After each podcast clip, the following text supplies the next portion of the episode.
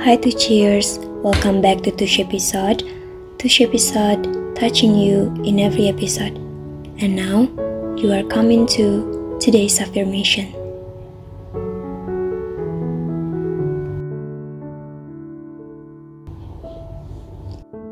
Kamu tahu kenapa aku mulai berbicara tentang healing line? Karena aku sedikit lelah untuk mencari berbagai alasan alasan yang aku sendiri ternyata tidak bisa percaya dengan apa yang aku katakan. Jadi, mari kita persingkat saja. Mari kita mulai berbincang tentang sesuatu yang bukan alasan. Karena ternyata tidak apa jika kita tidak punya alasan apa pun. Itu hal yang wajar. Semakin beranjak dewasa, kita akan semakin sadar bahwa bukan alasan yang membuat kita tetap berdiri tegak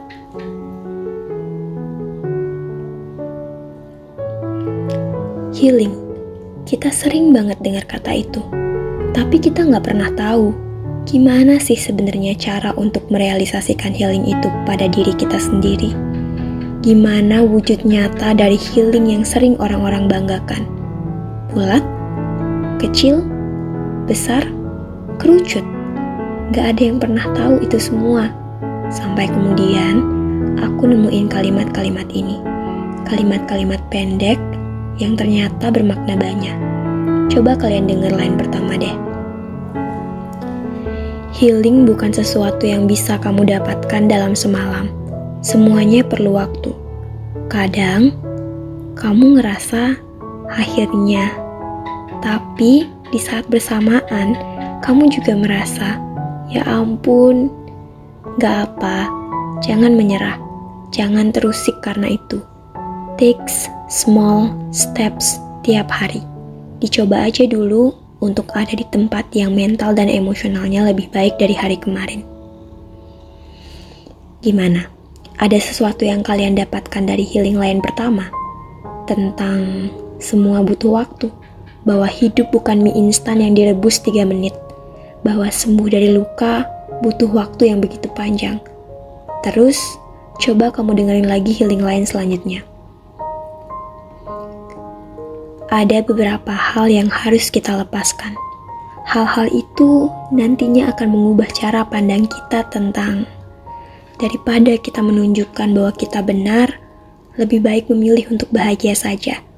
Karena di penghujung hari, kita kerap kali akan mulai menguraikan benang kusut di dalam kepala, memperhatikan apa kesempatan yang telah kita lewati. Bahkan, kadang gak nyaman sama rasa sakit yang kita buat sendiri.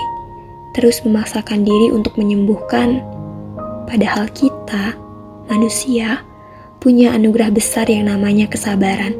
Sabar untuk bahagia, sabar untuk bersedih, sabar untuk sembuh, bahkan sabar untuk menjadi diri sendiri. Sayangnya, kita lebih sering meragukan perjalanan sabar hanya karena itu memberi luka. Dari hearing line kedua, kita tahu bahwa kita harus mempercayai proses, bukan justru hasil akhir.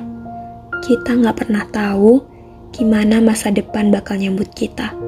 Jadi, daripada mengkhawatirkan sesuatu yang belum tentu terjadi, bukankah lebih baik untuk menikmati apa yang tengah dijalani?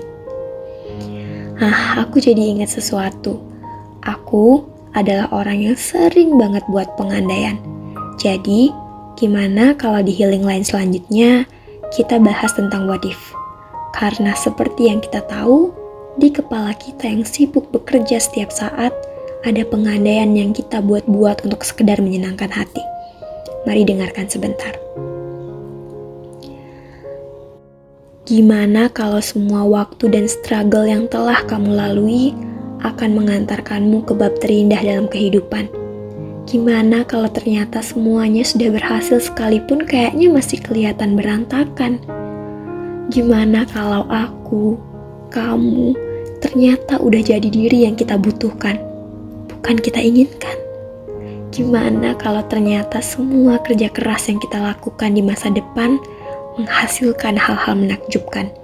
Gimana kalau ternyata memang mengganti pikiran negatif menjadi positif? Akan membuat kita benar-benar mengarah pada hal yang luar biasa. bukankah kita akan jadi lebih tenang?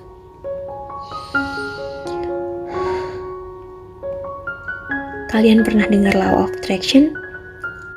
Kalau kalian sibuk menegatifkan sesuatu, dia akan menghasilkan hal sama. Sebaliknya pun juga begitu. Jadi, dari healing lain tadi, kita tahu bahwa bukan hidup yang mengatur kita A, B, dan C, tapi kita yang memilih untuk akan menjalani kehidupan seperti apa. Lalu, sebelum menarik kesimpulan dari semuanya, kita perlu mendengar dua healing lain lagi yang tidak kalah penting dibandingkan sebelum-sebelumnya. Tidak apa untuk baru memulai ceritamu hari ini. Kesalahan yang kamu lakukan di masa lalu bukanlah kegagalan, tapi sebuah pelajaran. Kamu harus mulai bangkit dan menemukan hal apa yang hendak kamu kejar lagi. Bukannya gak ada tanggal kedaluarsa untuk menemukan diri sendiri dan mencapai tujuan dalam hidup. Kemudian, kita tahu kalau apa yang dikatakan oleh healing lain tadi adalah tentang bagaimana cara kita untuk belajar dari kegagalan. Kita nggak perlu menyesali setiap momen yang udah berlalu di belakang sana. Kita harus mulai melanjutkan hidup. Dunia nggak berputar di sekeliling kita aja. Kita yang harus mengelilingi dunia untuk tahu makna dari setiap pembelajaran yang udah kita dapat. Bukannya kita sibuk memperbaiki image dan membangun branding ya selama ini. Kita nggak pernah tuh benar-benar memperhatikan dan melihat apakah diri kita sendiri itu bisa nyaman dengan siapa diri yang orang lain kenal tadi. Gak pernah kita tanyain juga kan? So guys, mari kita dengarkan healing lain terakhir sebelum menyimpulkan segalanya. Aku menerima diriku untuk merasa berharga, dipercaya, dan dicintai. Aku menerima diriku untuk dicintai atas semua kerja kerasku setiap hari. Aku menerima diriku untuk tetap tumbuh dan tidak menghukum diriku sendiri hanya karena menanggapi hal-hal receh di sekitarku. Aku menerima diriku sendiri untuk berkata apa yang aku inginkan. Aku menerima diriku sendiri sebagai diriku sendiri karena aku mencintaiku. ah, Kalian bingung apa yang dari tadi aku omongin? Rasanya kayak muter-muter aja nggak sih? Padahal kita bisa dapat benang merah loh dari setiap line yang udah aku bacain buat kalian tadi. Kalian nanya apa?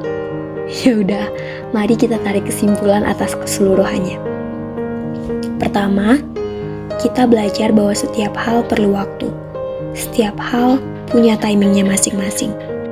Untuk itu, Kenapa di lain selanjutnya kita diingatkan bahwa percaya pada proses adalah hal yang penting.